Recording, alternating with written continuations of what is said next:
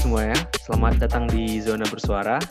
Uh, pada malam hari ini ada Santi, teman SMP aku. Hai Santi, apa kabar? Hai, halo semuanya. Sehat, Alhamdulillah. Ini yang nanya apa kabar nih? Aha, aku aku sehat juga, alhamdulillah. Oke. Okay.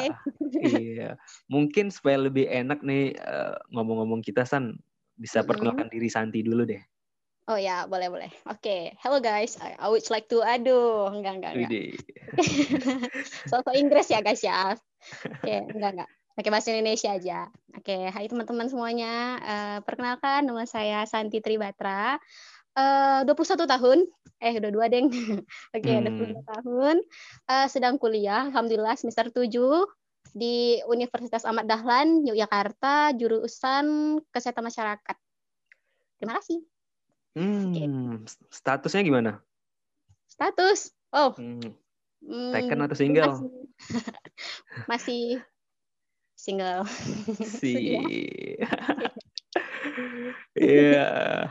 Oke, oke. Apa, Bagaimana gimana? Oke. Okay. Panggilan Santi itu kenapa Ican? Kenapa panggilannya itu Ican? Gini. Hmm. Jadi itu sebenarnya Ican itu nama dari panggilan dari papa sih ya dulu waktu TK atau waktu, waktu kecil ya umur umur sekitar empat tahun itu papa tuh kami kan kembar nih Sinta Santi. Hmm. jadi papa tuh sering manggil kami tuh dengan sebutan tuh Sinchan Sin itu Sinta Chan itu Ichan. Kayak gitu. oh. gitu jadi kalau manggil makan nih misalnya kami lagi main gitu kan. Terus uh... papa manggil Sinchan sini makan. Nah jadi kayak dirapel gitu guys. Jadi gitu tapi uh, ada hal sih kenapa dipanggil Chanichin soalnya kan San diganti C hmm. jadi Chan. Terus hmm. Sin diganti C jadi Chin kayak gitu. Jadi itu pertama kali yang uh, manggil itu Bapak. Iya, Papa. Papa. Terus uh, kan itu waktu TK ya? Iya, benar. Uh, waktu, waktu TK. Uh, kan kalian kan belum tahu apa itu Shinchan ya, kartun Shinchan ya. Terus kalian nyadar, kalian nyadar nggak sih udah udah besar kok Sinchan? Kalian nanya nggak sih protes nggak sih? Enggak, soalnya karena udah kebiasaan gitu ya guys ya. Karena udah dipanggil-panggil kayak gitu ya udah gitu loh. Terus mikir-mikir juga, hmm, kadang sempat kepikiran sih kenapa manggil panggilannya itu Ican, Icin gitu loh. Iya. Terus setelah dipikir-pikir, oh ya ya ya, oke oke masuk akal ya. Kreatif juga hmm. bapakku ya, kayak gitu loh. Tapi kapan Santi nyadar bahwa Ican tuh kayak icon Oh, wah itu ceritanya panjang guys, panjang Jadi, banget. Gimana tuh ceritanya? Jadi uh, tahu ya kita waktu SMP kan kita sekelas ya kan. Nah hmm, yeah. di SMP itu waktu kelas 1 SMP ya guys ya. Contoh kan kayak uh, waktu kelas 1 SMP itu masih uring-uringan belajarnya kayak gitu. Masih ingat gak sih? Hmm, masih dong. Dan aku masih ingat SMP kelas 2 Ican berhasil menduduki peringkat ke dua. Nah itu. Ah. mulai dari situ tuh kayak gitu loh. Uh, pokoknya itu mulai nyadarin I can tuh I can tuh kan artinya aku bisa kan. Jadi kayak mm. lebih motivasi kalau lagi malas belajar kayak gitu. Kalau lagi uh, di fase da sedang downnya sama kuliah kayak gitu loh. Sedang males-malesnya gitu loh. harus ingat mm. namamu itu loh I can. Nama itu doa. Berarti kamu bisa kayak gitu loh mulai hmm. dari SMP waktu kelas 7 sih waktu itu sempat down karena waktu itu ranking kan ranking 11 gitu loh waktu kelas hmm. 7 ya kelas 1 SMP ya jadi yeah. gitu dari situ wah jatuh jatuh jatuhnya ini nggak bener ini masa ma udah apa baru awal SMP udah kayak gini prestasinya kayak gitu makanya dari situ mulai dari situ ambisius banget gitu loh guys dengar wow. dari situ lah pokoknya pokoknya nama Icon itu penyelamat lah menurut Chan wow tapi gimana ya untuk anak kelas SMP udah bisa apa namanya filosofi nama itu gimana ya? Keren juga ya? Keren. Amin insya Allah iya keren juga sih. Ya, apalagi semua. nama itu doa ya. Iya ah benar guys. Nama, nama itu doa nama itu kan doa kan. Jadi hmm. ya harus disyukuri apa pun itu nama kalian maupun itu Jainab lah Samsudin lah Emang kalau Samsudin apa kira-kira? yang, yang pasti tuh nama tuh pasti ada alasan kenapa orang tua kalian ngasih nama itu kayak gitu loh ada loh filosofinya kenapa kalian dikasih nama kayak gitu susah hmm. loh ngasih nama orang tuh Mm-mm. jadi disyukuri aja gitu. Hmm, bicara tentang bersyukur nih. oke boleh boleh Uh, bicara tentang bersyukur ya. Uh, uh, kan waktu tamat SMA kan uh, Santi pernah ini ya nyoba-nyoba universitas yang negeri, cuman kan nggak keterima. waduh flashback nih Ah, silakan Iya flashback. Terus kan uh, Santi akhirnya keterima di Yogyakarta Ahmad Ahmad Dahlan, ya mm, ya kan. Nah di fase itu tuh di fase sebelum keterima di Ahmad Dahlan tuh gimana? Ada down nggak? Down ah nggak terima ke negeri gimana? San? itu down banget banget banget banget gitu loh itu mungkin fase Hmm. Pertama kalinya ngerasa jatuh jatuh jatuhnya mungkin bakalan ngerasain hal kayak gitu yang kedua kalinya ya karena sekarang lagi sibuk-sibuk skripsi gitu loh Widih, jangan dong. oke eh, waktu sebelum keterima di Universitas Ahmad Dahlan ya Mm-mm. kan sebelumnya itu Chan banyak ikut-ikut tes kayak sempat ikut stan juga sekolah tinggi akuntansi Hmm. negara terus daftar SBMPTN nembaknya kedokteran SNPTN nembaknya kedokteran karena memang ya cita-cita dari kecil tuh memang Hmm. cita-citanya jadi dokter kayak gitu ya pokoknya tenaga medis deh gitu loh tapi lebih spesifiknya dokter kayak gitu dan Hmm. eh, kita kita pasti pernah ngerasa ki- kita tuh udah usaha semaksimal mungkin tapi kenapa kok hasilnya kayak gini kita pasti pernah ngerasa kayak gitu kan apalagi kalau Iya. misalnya nggak eh, terwujud tuh rasanya aduh nyesek banget. Terus apalagi ngeliat teman-teman kita yang lulus kedokteran kayak gitu Mm-mm. pasti kita kadang ngerasa ya Allah orang lain bisa kenapa aku enggak? Kayak gitu loh pasti kita pernah gitu loh. Terus udah di fase gagal mencoba berpositif thinking aja. Mungkin nggak diterima negeri mungkin aku jodohnya kedokteran swasta nih. Eh Mm-mm. udah tes kedokteran swasta juga kemarin ya UII sama UMY di Yogyakarta Hmm. nggak lulus juga kedokteran sedih banget gitu loh Hmm. sedih banget gitu loh negeri ya langsung pemikiran Chan tuh gini Hmm. oh iya ya swasta aja nggak lulus sok-sokan ya mbak negeri kayak gitu loh Hmm. kan orang kan pada pada pada gini ya kalau misalnya ada beberapa mindset orang yang bilang tes di swasta itu gampang kok masuknya kayak gitu loh Mm-mm. tapi yang Chen alamin tuh enggak gitu loh sama-sama susah. Terbukti dua-duanya nggak lulus kayak gitu loh. Harus harus benar-benar usaha banget loh kalau misalnya mau jadi dokter itu kayak gitu menurut Chan terus Hmm. eh aduh saking flashbacknya tuh sampai pusing mau ngomong apa nih guys. Emang itu fase yang aduh putus asa banget. Soalnya waktu itu, waktu itu kan tesnya Chan langsung ke Jogja ya kan? Berapa lama Don Don Santi itu setelah itu? Wah, bahkan sampai semester 4 Chan kuliah nih di jurus di jurusan kesehatan masyarakat masih goyang itu. Serius? Masih masih masih Masih kebayang-bayang. kerasa ya?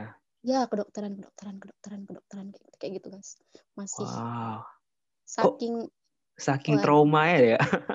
iya masih duh, udah kayak tapi tuh kalau Chan tipe pribadi Chan itu ya, kalau misalnya Hmm. udah gagal sekali itu Chan udah nggak mau coba gitu loh, guys. Hmm. jadi kita jadi tuh karena karena nge- ngebuat hak kenapa yang ngebuat Chan yang kayak gitu nggak mau nyoba lagi karena Chan coba aja gini oh ya udah Hmm. deh mungkin ini tuh jalan dari Allah memang kayaknya Ican tuh harus ke kesehatan masyarakat kayak gitu. Eh, nggak apa-apa kok Hmm. nggak jadi dokter kayak gitu loh. Mungkin jalannya memang emang bukan di situ kayak gitu loh. Mungkin nanti bisa jadi aja kalau misalnya Ican kuliah kedokteran nanti Ican sakit-sakitan kayak gitu loh. Apalagi Ican merantau misalnya kayak gitu. Dan terbukti loh guys omongan Chan tuh. Waktu Chan Hmm. kuliah di kesehatan masyarakat aja Chan selalu sakit. Tiap malam mimisan ngerjain laporan kayak gitu loh dah gimana kalau misalnya Chan ngambil yang bener-bener diluluskan Allah ke jurusan kedokteran itu? Pasti lebih membahayakan kesehatan Chan lagi karena kan belajarnya harus ekstra juga kayak gitu. Di kesehatan masyarakat aja kan udah kayak keteteran plus kewalahan gitu sakit-sakitan apalagi kalau misalnya dokter. Nah dari situlah Chan mulai wah ya emang emang Allah tuh maha baik gitu loh. Apa yang Hmm. Allah kasih itu pasti baik gitu loh. Belum belum tentu apa yang Chan suka itu baik buat Chan kayak gitu jadi mencoba Dari situ Santi belajar bersyukur berarti. banget Mulai sadar. Itu semester berapa tuh? Banget. Udah sadar semester lima berarti. semester 6 lah guys oh semester 6 ya semester 5 masih goyang tuh masih gaya wah berarti semester 6 baru nyadar rasa bersyukur iya. nah dampak dari rasa bersyukur dari Santi itu ngebantu ngatasin stres-stres Santi nggak sih ngebantu banget Hmm, soalnya kan Santi bilang tadi kan sampai mimisan, sampai sakit. Itu sakit tuh gara tugas atau gara apa? Kangen rumah? Waduh, ini kangen rumah nih teman tengah anak iya, bungsu. Iya, soalnya kan soalnya kan iya anak bungsu dan jauh merantau ke Jogja mm-hmm. sendiri. Bagaimana sendiri. sih pertama kali Santi ke sana tuh, Sin? Ini kita jujur-jujuran dan belak-belakan aja ceritanya ya. Waktu okay. pertama kali itu pertama kali saya ke Jogja itu bener-bener pertama kali itu waktu tes hmm. tes hmm. kuliah di Jogja ya tiga-tiganya univ yang saya ambil itu swasta UII UMY UAD dan hmm. di situ tuh memang bener-bener sendiri guys gas dan itu tuh bener-bener pertama kalinya Can pesawat wah hmm. kacau kayak gitu loh jadi harus berani gitu loh demi demi cita-cita demi harapan biar terwujud kayak gitu harus ngelawan zona nyamannya Ican gitu. Nggak boleh ditemenin, harus sendiri, harus fokus kayak gitu. Itu sendiri. Iya, sendirian. Pertama kali dan sendiri. Iya, pertama kali naik pesawat sendirian Itu dari orang. Pengen Santi sendiri atau Ya memang pengen sendiri. Iya. Nggak boleh ada biasanya kan, biasanya kan orang tua kan kalau lihat iya. cewek kan, nah, wow. Terus terus. Dan ke Jogja itu sendirian. Pertama ah. kali nyampe ke bandara Jogja tuh kayak pelonga pelongo ini gimana? Ini habis mau ke mana? Ini habis mau ke mana? Tapi kembali lagi ngingat diri oke okay, bisa Chan bisa bisa bisa. Masa naik pesawat sendirian aja kok nggak bisa? Gitu loh. Gimana hmm. nanti kok ngadepin perjuangan-perjuangan yang lebih-lebih ini cuman naik pesawat sendirian loh ke kota orang sendirian loh gitu kayak gitu loh udah hmm. bisa bisa bisa bisa. Akhirnya ya udah kita kan sekarang teknologi canggih ya kan guys? Ada taksi hmm. di mana di bandara itu kan. Tinggal sampein aja alamat pak di hotel ini kayak gini kayak gini. Ya pokoknya waktu, waktu itu kan bener-bener ngelawan rasa takut. Bener-bener ngelawan rasa takut. Apa-apa itu sendirian kayak gitu. Wah itu perjuangannya luar biasa itu waktu pertama kali tes. Nah itu kan udah sampai ke bandara, terus pesan taksi, terus ke hotel, terus uh, setelah dari hotel ya belum jalan-jalan waktu itu masih fokus karena kan tesnya Ican itu kemarin tiga hari berturut-turut ya. Yang pertama ah. itu Chan tes uh, eh, UII, kedua UMY dan ketiga UAD kayak gitu. Iya, uh, dan Situ. enggak maksudnya uh, kan udah sampai hotelnya. Mm. Ya kan? Nah, terus kan ngomong tuh ke resepsionisnya. Mm. Uh, itu dia kan uh, gimana tuh pas ada cerita lucu nggak? cerita lucu ya.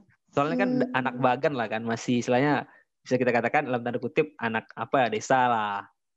anak kampung ya, ya. Anak kampung yang wajahnya masih polos tamat SMA kan.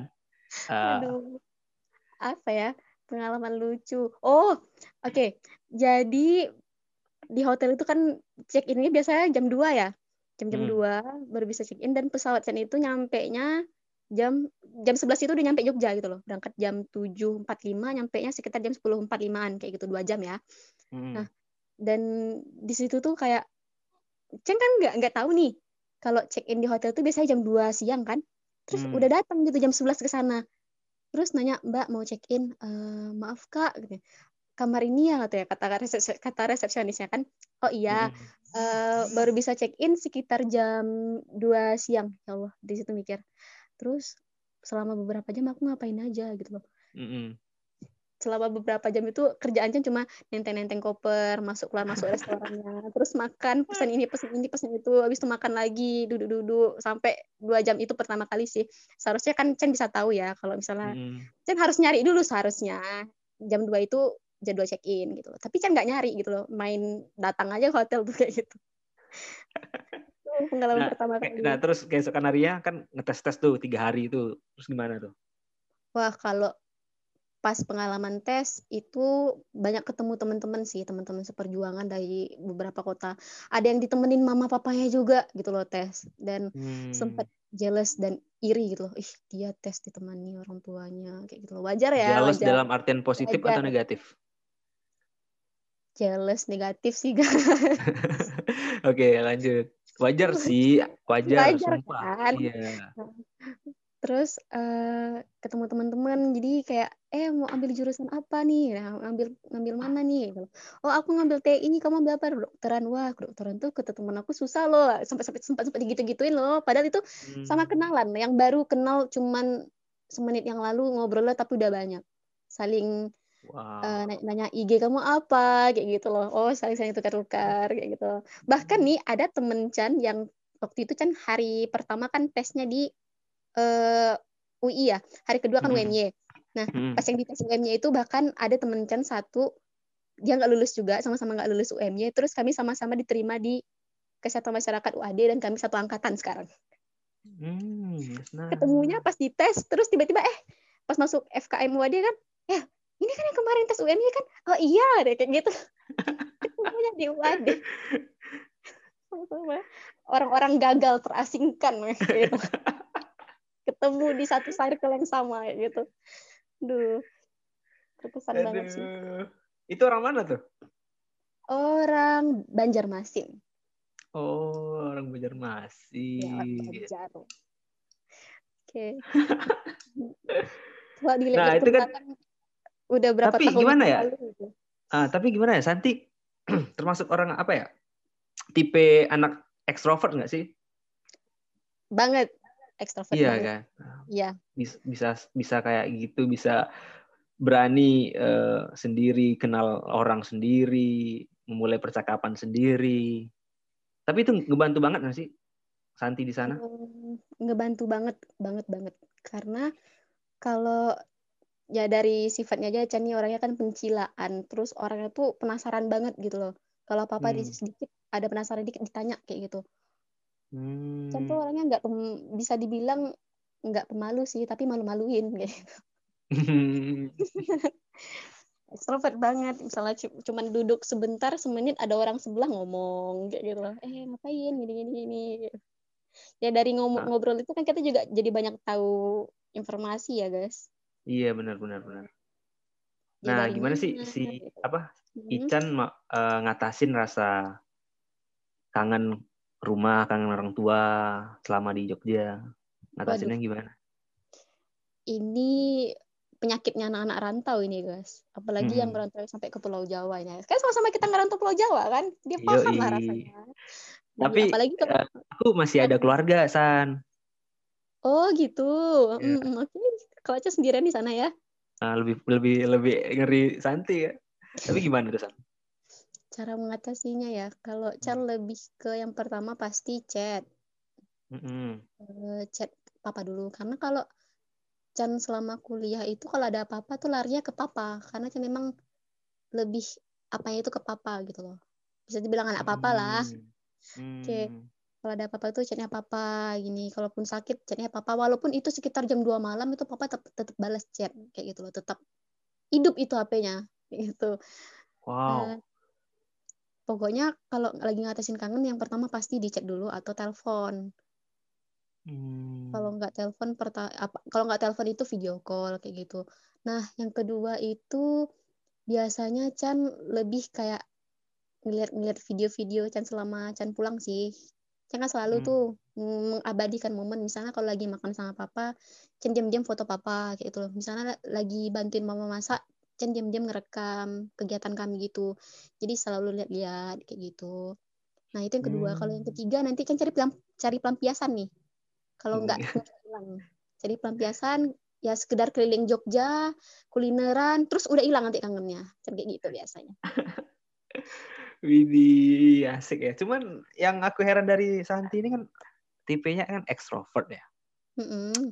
Cuman kenapa di eh, sosial medianya Santi itu Mm-mm. eh, Santi kayak jarang banget nunjukin wajah. jarang banget nunjukin wajah oh misalnya kalau ngupload foto pasti mukanya disensor gitu Kadang disensor, kadang pakai masker, kadang ditutupin Iya. jilbab. Karena kadang cuma Kadang- sebelah kadang- aja kayak Iya, gitu kan kadang cuma sebelah. Itu kenapa? Kan Santi kan orangnya ekstrovert. Kenapa kayak gitu? kalau Chan itu lebih ke ekstrovert sifat ya bukan ekstrovert fisik gitu loh Chan lebih Hmm. nge- ngeliatin kalau ini loh sifat aku kayak gitu kalau Hmm. kenapa di sosmed kan nggak pernah upload foto muka kadang kalau di upload foto tuh cuman belakang Chan aja kan kayak gitu loh Iya, nah kayak gitu. jarang lah aku tengok kalau Santi. Jarang banget ya. Eh, Kenapa? karena Malu atau gimana? gini penyakit penyakitnya cewek tuh gini guys Hmm. selalu ngerasa kalau ya selalu Hmm. ngerasa nggak bagus di kamera gitu ya aku jelek nih kalau di kamera gitu pokoknya tiap Chan foto senyum gitu ngeliat ngeliatin muka atau gimana gitu Chan kayak ih nggak bagus nih nggak usah upload kayak gitu Oh gitu Tuh. ceritanya. cewek makanya tuh kadang mm, males juga sih ngupload ngupload foto Hmm. Tapi kenapa? Itu kan bisa dikatakan insecure kan? Yap. Bisa nggak? benar Why? Kenapa? Kenapa bisa sa- seorang Santi bisa insecure? Eh, kenapa seorang Santi bisa insecure? Hmm, Iya. Mungkin yang pertama itu, Soalnya kalau aku lihat Santi sih cantik-cantik aja. waduh, alhamdulillah, Iya. amin. Serius. Eh, Iya, kenapa? ya? Ah. Sebenarnya itu insecure kayaknya itu salah satu sifat alamiah cewek nggak sih? Kalau menurut Chan, wajar-wajar aja cewek insecure. Hmm. Hmm, Iya. Dan kenapa yang memicu Chan makin bikin insecure nunjukin wajah itu karena Chan tuh kalau ngupload, Chan tuh ngerasa terbanting dengan cewek-cewek cantik lain di luar sana. Semua cewek itu cantik, jadi Chan ngerasa wah nggak bener nih kalau ngupload nih Chan, banting, dadah hapus-hapus kayak gitu. Tapi kenapa ya? Aku juga aku juga punya pengalaman dengan teman-teman aku yang insecure ya San ya. Nah, Mhm. dia rata-rata juga gitu. Kadang dia ngerasa punya pemikiran ngebandingin orang lain.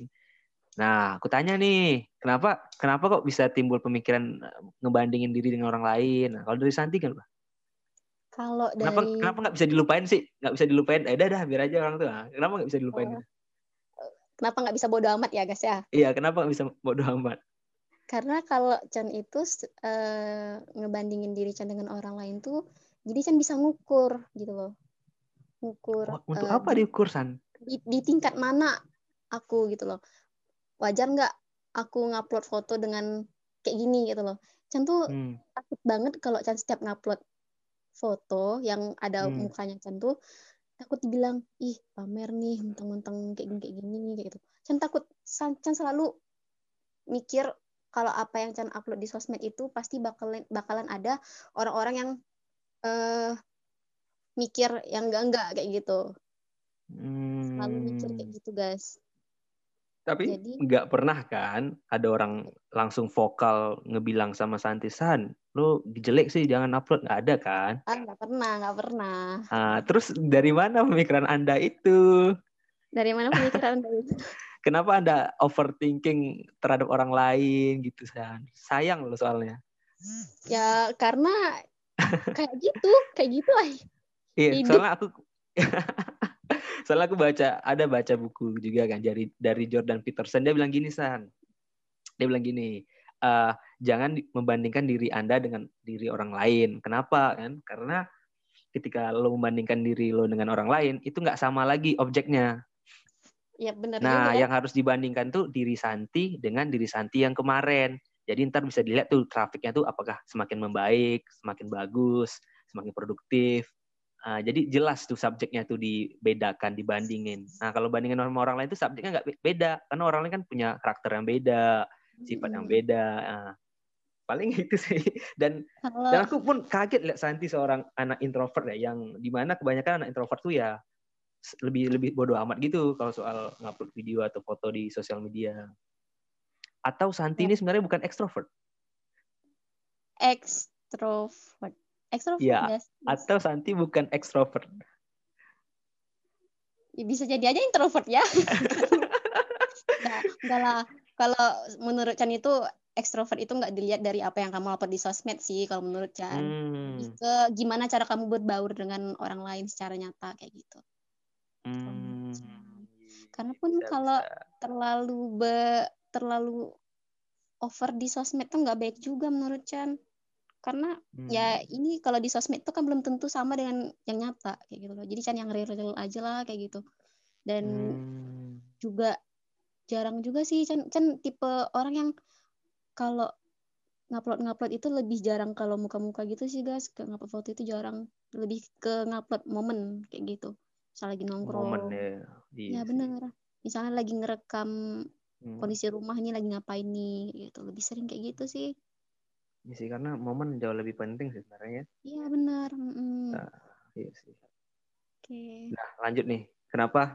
Uh, kan akhirnya Santi ngemilihin ngemilih uh, jurusan uh, kesehatan masyarakat. Yap. Hmm. Uh, dan sekarang udah semester 7 ya? Iya.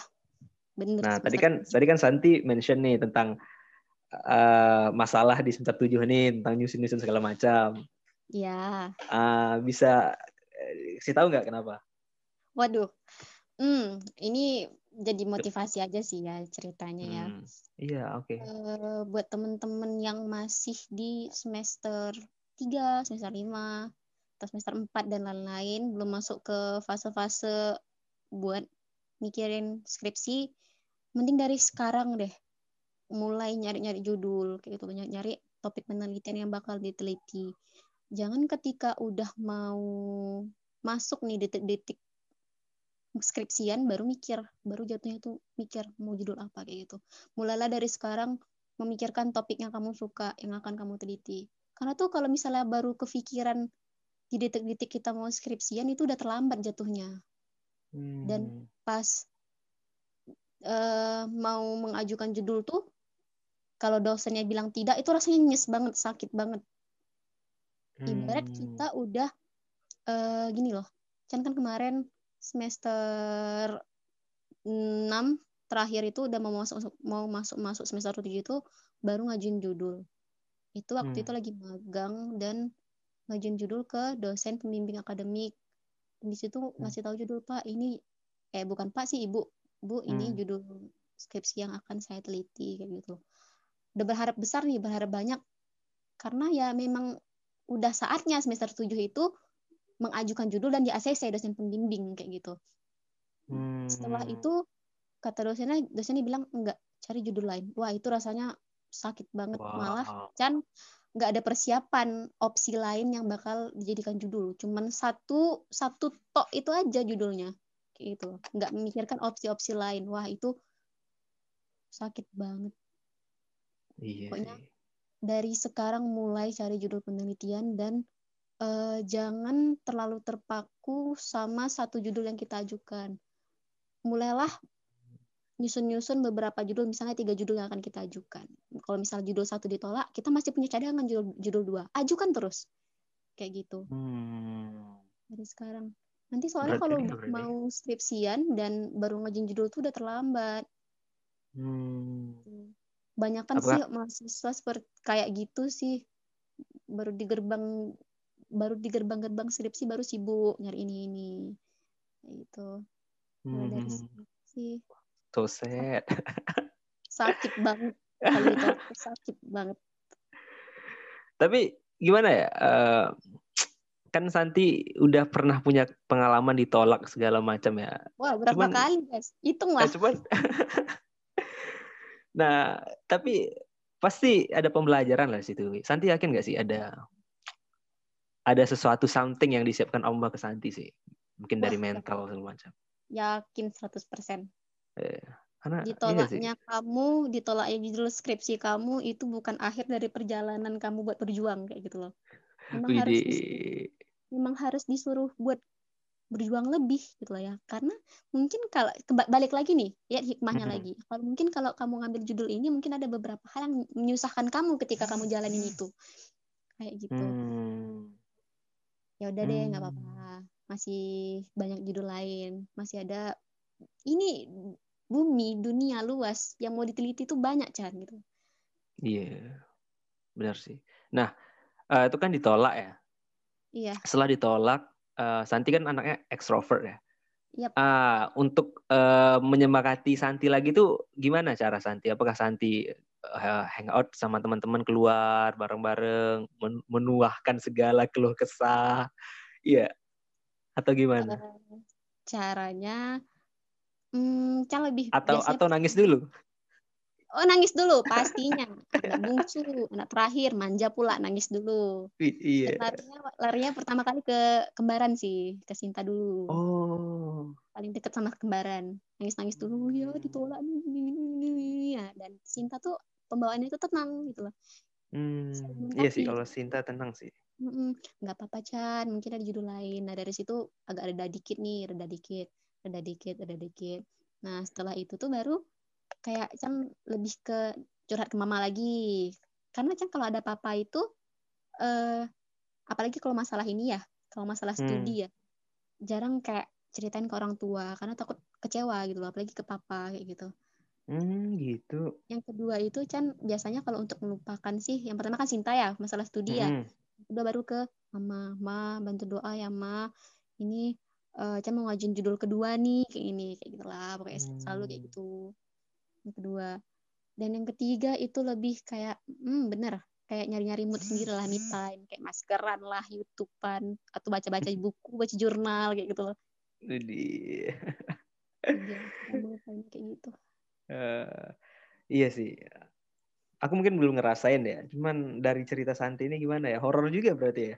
Dan akan merasakan di, iya kalau nggak dipersiapkan ngeri juga berarti ya? Harus disiapkan. Harus disiapkan. Benar-benar harus disiapkan guys Hmm, emang itu kalau nyari judul tuh sesusah apa sih San? Nyari judul itu sebenarnya eh, nggak uh, susah sih. Yang susah itu nyari apa yang mau kita teliti. Apa Kayak yang gitu. mau kita teliti? Mm-mm. Kalau judul itu kan nyusunnya tinggal lihat disusun-susun aja. Misalnya hubungan antara penyakit ini dengan kejadian ini ini misalnya. Uh-uh. Kan tinggal disusun-susun susun aja. Iya, pemikiran aku kayak gitu. Hmm. Yang susah itu nyari apa yang mau kita teliti, guys? Kita tuh harus tahu fenomena apa yang lagi terjadi nih. Gitu. Hmm. Kalau ini nih basis Chen kan kesehatan masyarakat dan tentunya kayak berkutik di dunia penyakit-penyakit. Iya. Yeah. Kasus penyakit apa di daerah mana yang lagi tinggi atau yang mau kita teliti gitu. Chen harus tahu dan datanya itu ada. Hmm. Itu nggak nggak lama, misalnya nggak tahun 2006 2017, Berarti... 2016 gitu biar nggak basi gitu penelitiannya. Oh. Jadi harus Berarti selama ini Santi ditolak tuh karena apa kira-kira? Karena uh, yang pertama uh, ini waktu Chan bimbingan itu Chan bimbingan nggak sama dosen yang nggak sesuai dengan jurusan peminatan peminatan Chan.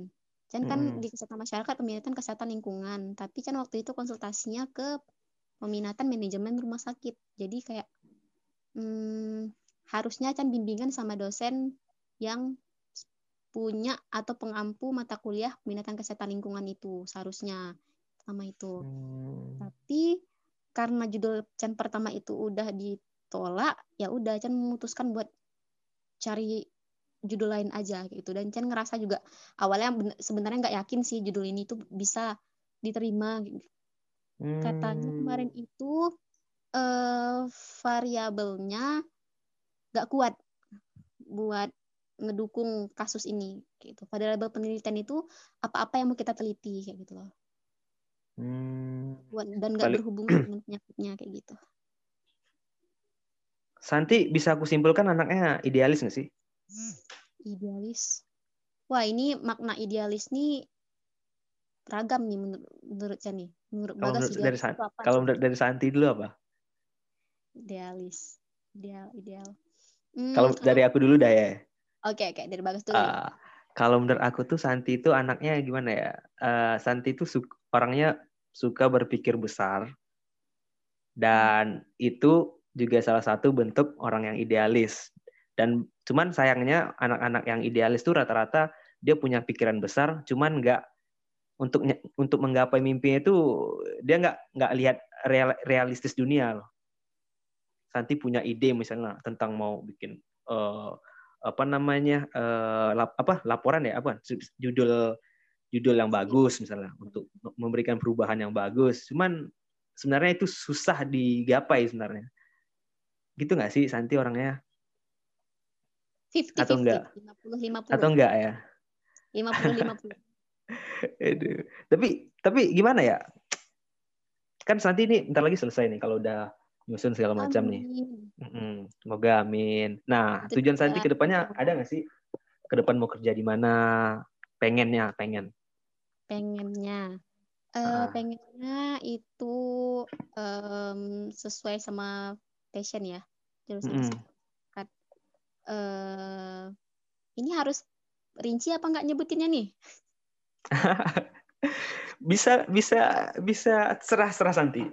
Oke, okay. kalau lebih rincinya ya Chan mungkin uh, pengen jadi ahli kesehatan masyarakat terkhusus di bidang kesehatan lingkungan mungkin di suatu rumah sakit kayak gitu.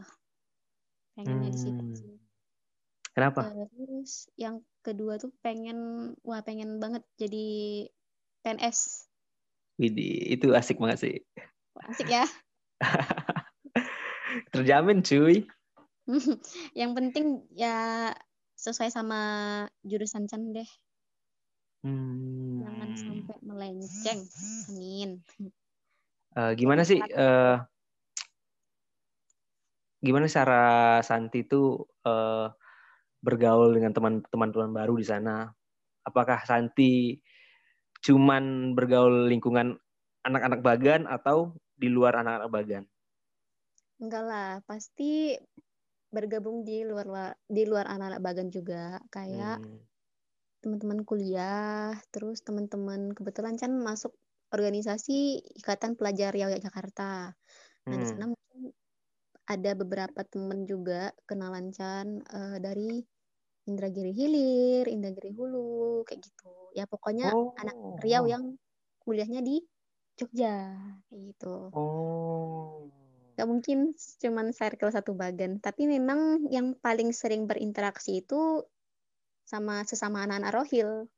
Hmm, soalnya aku sering lihat di Instagram juga kan. Hmm. Uh, nah, Santi di selama di Jogja udah jalan-jalan ke mana aja kan? Selama di Jogja udah jalan ke mana aja? Hmm, wah banyak gas. Hmm. Ke Perbanan, Malioboro paling sering, apalagi alun-alun kidul alun-alun Yogyakarta. Ya, hmm, paling Widi, sering. itu.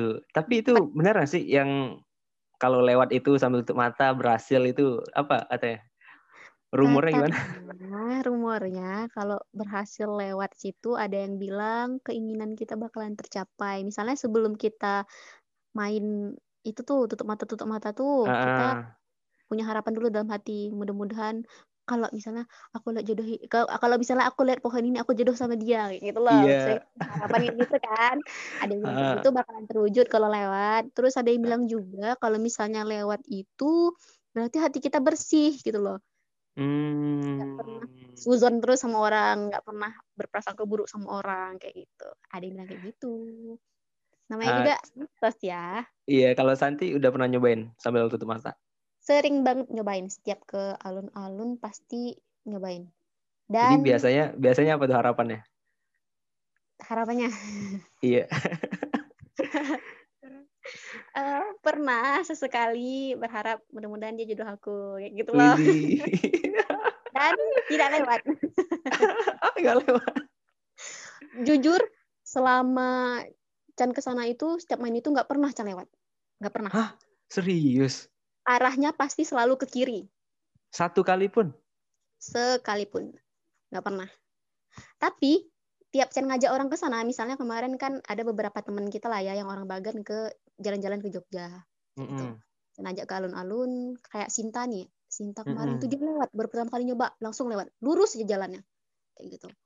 Widih. Terus Abang Chan juga lewat, dia lurus kayak gitu. Tapi kenapa tiap Chan coba nggak pernah kayak gitu loh orang baru sekali coba pernah. Aduh kayak ya memang nih memang nih kotor kali hati Chan kayak gitu. enggak enggak enggak enggak enggak enggak. Enggak lah enggak dong. Memang bukan jodohnya itu. Iya disuruh harus ganti. cari, harus cari yang lain gitu loh. Iya cari yang lain. Apa nanti nih kata di sini. Hmm. aduh tapi gimana ya? Tapi kalau dari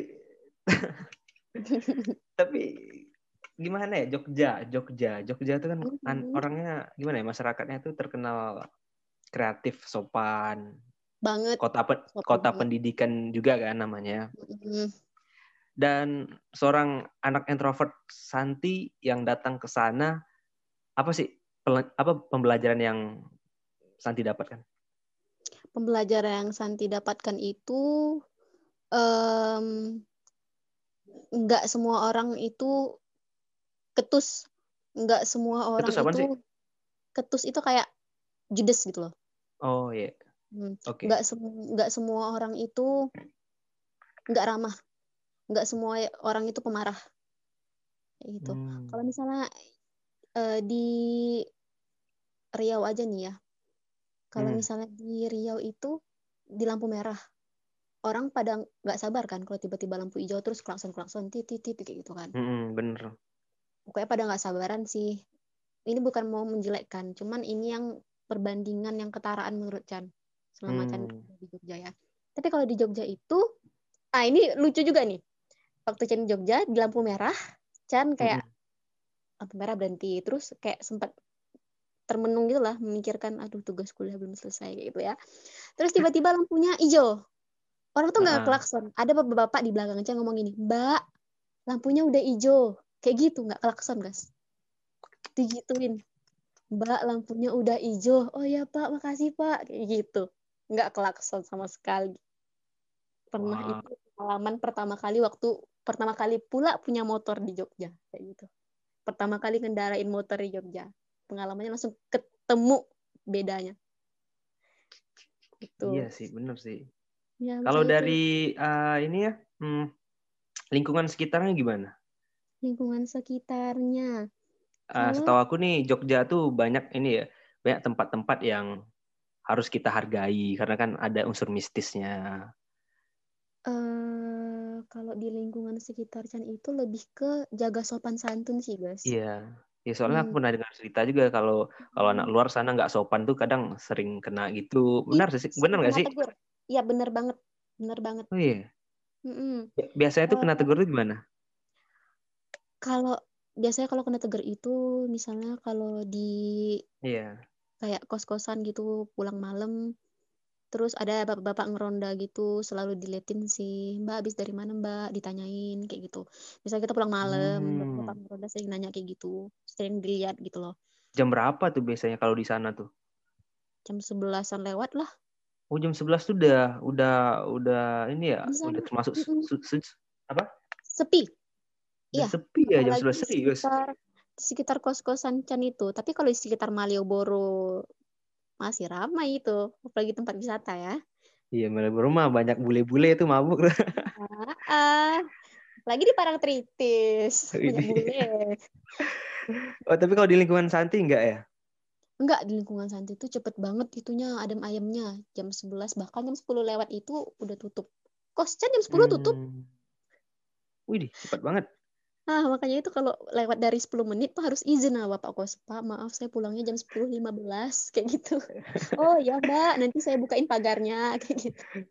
Uh, dan satu hal yang ingat dari Santi ini, Santinya orangnya kan apa ya? Kalau dulu waktu di Bagan tuh anaknya suka dengan cerita mistis, pengalaman oh, mistis. Di sana ada nggak sih pengalaman-pengalaman mistis kayak gitu, horor-horor gitu? Kalau di kos, ini ada. udah malam ya? Gak apa-apa, cerita aja. Ah, gak apa-apa, serius? Oke, boleh. Oke, lanjut, Bu. Oke, jadi waktu itu eh, kami ke pantai gitu. Ke hmm. salah satu pantai di Jogja. Nah, pantai ya? Ah, sorry, pantai selatan, bukan? Ya, di Jogja kan rata-rata pantai selatan semua. Oh iya, iya. kan daerahnya di selatan gitu. Oh iya, lanjut, lanjut. Oke, jadi waktu itu kami uh, sekitar sorean ya karena kan kalau biasanya kalau kami ke pantai itu ngecamp. Hmm. berangkatnya itu sore. Nah selama Chan kebetulan sama temen Chan nih namanya Intan. Dia anak hmm. tanah merah. Berdua kami cewek-cewek gitu loh. Nah Hah, berani kalian? Berani banget gitu harus dong. Apalagi si Santi situ ada kan? Nah perjuangan nih tantangan sendiri nih itu berapa orang ceritanya? Berapa ya? Sekitar 10 orangan lah. 5 motor. Oh, 10 orang. Oke, lanjut lanjut. Eh, lebih lah, Gas. Lebih, lebih. Oh, lebih. Oke. Okay. Hmm, lebih dari 10 orang. Terus waktu itu kan uh, cuman bermodalkan Google Map gitu. Hmm. Dan yang bawa motor ini si Intan itu. kami itu ternyata kecepatan motor kami itu ngelampaui batas. Jadi itu kami duluan di depan, sedangkan teman-teman yang lain itu di belakang, kayak gitu. Hmm. Terus tuh karena kami duluan nih udah terlampau jauh dari teman-teman yang lain ya udah kami memutuskan untuk ya udah berdua aja kami duluan ke pantai itu kayak gitu. Nah, selama dalam perjalanan itu kan kayak ya cuman kami berdua, kiri kanannya hutan, jalannya naik turun bukit gitu. Dan waktu itu tiba-tiba gerimis. Gerimis gitu. Anjing gerimis dan kami itu berhentinya di kayak ada gubuk dia dibilang rumah warga bukan dibilang gubuk juga bukan gitu loh dibilang rumah warga ini jendelanya cuma satu pintunya satu terus lampunya cuma satu dibilang itu betul aku merinding anjing nah, bener kan dibilang okay. gini dibilang gubuk juga nggak terlalu terlalu terlalu kumuh gitu loh Nah, kami tuh berhenti di situ karena memang satu-satunya tempat buat berteduh tuh di sana, guys. Cuman ada rumah hmm. gubuk itu tuh satu karena kayak lainnya hutan gitu kan. Hmm. Terus berhenti kami di situ karena memang hujannya tuh kayak dia gerimis tapi bikin baju kita basah gitu gak sih? Paham gak sih? Oh, paham. Kan ada beberapa iya. gerimis yang kayak gitu kan. Hmm. Itu berhenti di situ dan itu posisinya Chan sama Intan cuman berdua. Pas kami parkirin motor ke pekarangan rumah itu mungkin kita sebut aja lah rumah ya. Pekarangan hmm. rumah tuh kami nggak ngeliat ke kanan gitu loh jadi hmm. udah ngomong tan tan tan itu ke kanan lihat tan ke kanan gitu kayak ada parang ditancepin gitu di tanah. Nah Astaga. ini ini tuh kami sampai mikir ini rumah orang jagal kambing atau jagal manusia nih kayak gini. Ya Allah terus udah mulai-mulai kayak hawa-hawanya tuh ngomong kayak gini eh udah nggak enak ya? Ya kita lanjut aja lah nggak apa-apa hujan-hujanan kayak gitu. Kan kita bawa baju ganti kayak gitu kan daripada itu siapa yang ngomong kayak gitu? Chan ke Intan. Oh. Daripada kita nah kayak gitu kan. Mm, benar. Nah, daripada gitu. Dan akhirnya tuh kami kayak memutuskan buat lanjut aja. Soalnya waktu itu Chan kayak udah ngerasa nggak beres nih kalau berhenti di sini. Dan waktu itu tuh kayak kecium-kecium bau-bau bakaran gitu loh. Kayak kemenyan paham gak sih tahu-tahu kemenyan kan? Iya masalahnya itu Ih. seperti apa yang Chen bilang dibilang rumah juga bukan karena lampunya tuh cuma satu tok di depan kok, rumah kok kalian berani ya berhenti di situ ya ya karena kami nggak nggak tahu kan kami kira itu rumah warga kayak gitu loh dan wow. temen Chan yang bawa motor ini juga ngomong dia kan anak IndiHome eh enggak deng Indigo Nah, ini pula kena ya. Iya, dia bisa bisa ngeliat gitu. Terus dia ngomong gini. Tunggu, tunggu, tunggu, tunggu. Itu, itu, tunggu, bentar, bentar. Ini ngomong tentang apa nih? Aduh. Eh, Santi cerita seram loh, sumpah loh. Aduh, kayak kayak gimana ya Santi cerita tuh kayak aku tuh kayak ngerasa berada di situ loh. Kan ngerasa kan sih? Di kanan hutan cuma rumah satu lampunya iya, satu iya ngerasa aku sumpah. Eh gitu. jangan jangan di diomongin lah tentang yang Intan bilang tuh yang langsung aja kalian udah pergi terus. Pergi enggak enggak dia ngomong enggak, enggak, aku pengen enggak. aku pengen dengar. Apa tadi dia Intan ngomong, bilang? Intan ngomong gini uh, itu kan adik kelas ya? Mm -mm. Kak Chan Kak Chan. Oh di kelas? Iya Kak Chan Kak Chan. Iya Kak Chan memutuskan untuk lanjut dan kehujanan tuh pilihan yang tepat katanya kenapa? Katanya sebenarnya Intan tak mau bertuduh doh teh mau lanjut aja. Karena kiri kanan tuh banyak kata dia. Hmm, Paham guys ya Allah. Karena ya sepanjang Allah. jalan tuh kiri kanan tuh banyak kata ya kayak ya lagi party Allah. kata dia. Langsung itu posisinya waktu kami udah nyampe pantai. Dan kami lagi makan indomie di warung gitulah. Oh dari situ baru diceritainnya. Uh, dan bapak yang jaga warung tuh ngomong ke kami gini loh mbak katanya cuman berdua aja. Iya pak teman-teman kami pada di belakang semua ketinggalan gitu. Kok berani? kata bapak tuh ngomong kayak gitu. Kami ngomong tatap-tatapan ya gimana pak? Lanjut aja daripada nunggu kami gitu. Masa pak itu senyum, cuman senyum aja? Senyum. Wow. dan selama di dalam perjalanan ke pantai itu selalu lah ngeliat pemandangan yang ada kuburannya gitu loh kuburan-kuburan hmm. warga kan di sana tuh perbedaan yang paling muncul tuh juga gini kuburan di sana tuh kalau kita kan nisannya jelas gitu loh mm-hmm. warna papan putih gitu kan terus kayak ya udah dikasih batu keramik gitu kalau di sana tuh nisannya kayak uh, gapura gitu kayak candi kecil gitu warna hitam kayak gitu. oh, gitu iya, iya, iya. nah makanya waktu itu Sinta waktu itu kebetulan juga ikut ya waktu kami ke pantai ngecamp itu dan dia kayak ngerasa wah gila perjalanan ke pantai yang menyaksikan nisan-nisan yang tidak pernah aku lihat di Rohil katanya gitu. Memang itu pengalaman sih. Waktu kami jalan-jalan itu sifatnya lagi ramai-ramai. Beda lagi kalau Iya. pengalaman di kos. Nggak usah diceritakan karena lebih. hmm, Ayo dong, ceritain dong. Wah cerita. Cerita mistis nanti Satu aja, tiba-tiba. satu aja, satu aja. Oke. Selama di kos. Hmm, gini. Jadi eh waktu di kos Chan kan di kamar ujung paling atas, nomor 4 ya. Kamar ujung paling atas. Nomor 4, Nomor Mentok. empat, oke. dekat jemuran pula. Oke, udah kebayang nih. Oke, udah kebayang. Nah, waktu itu tuh posisi kos lagi kayak udah senyap-senyap gitu pada sibuk masing-masing lah. Itu masa-masa UAS kayak gitu. Hmm, jam berapa tuh kira-kira? Waktu itu Chan waktu masih buka buku itu sekitar jam 11 lewat lah. Mm-mm. Lewat. Nah, eh Chan tuh tiba-tiba dengar orang nangis. Hmm. dengar orang nangis dan langsung ngechat Mbak di kamar sebelah Chan. Mbak, Mbak lagi nangis ya? Chan ngechat kayak gitu kan.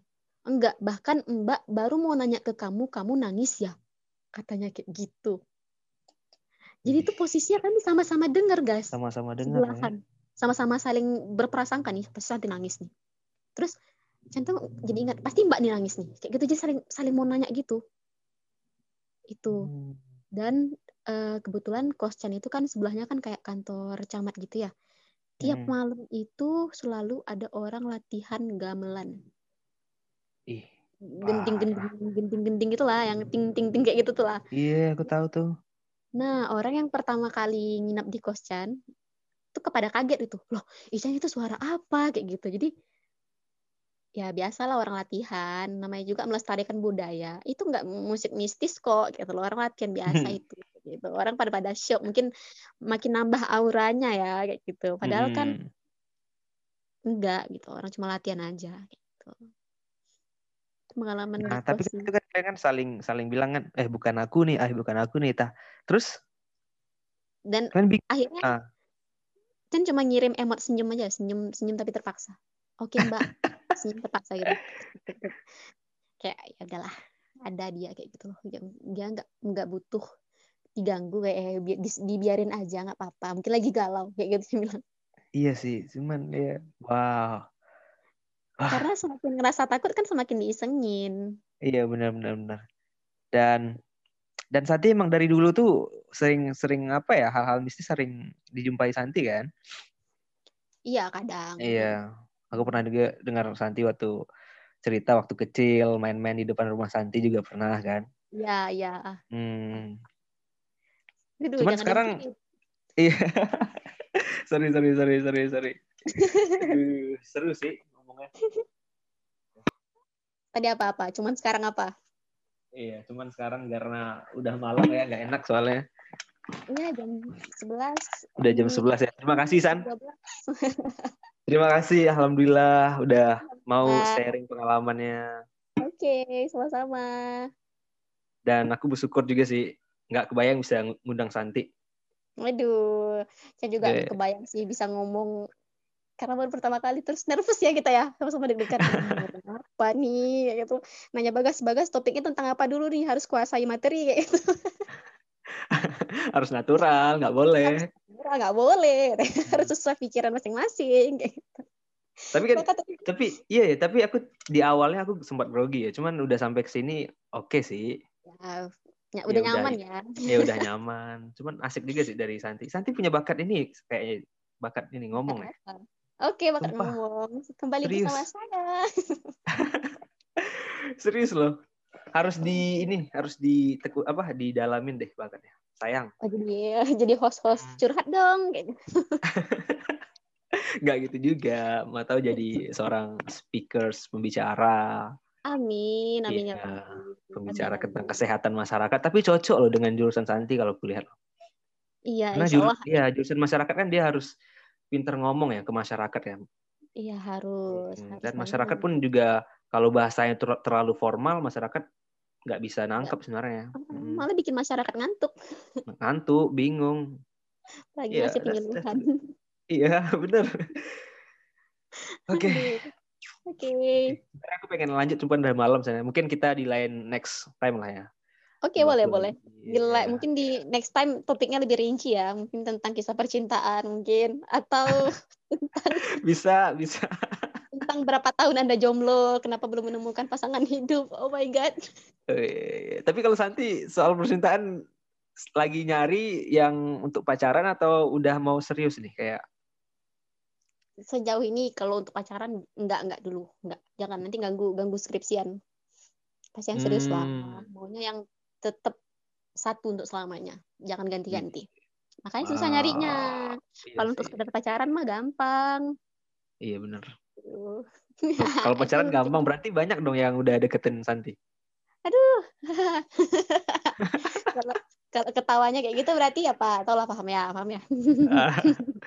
Tapi gimana caranya Santi tahu dia bakalan orang yang cocok kalau Santi nggak jalin hubungan pacaran dulu?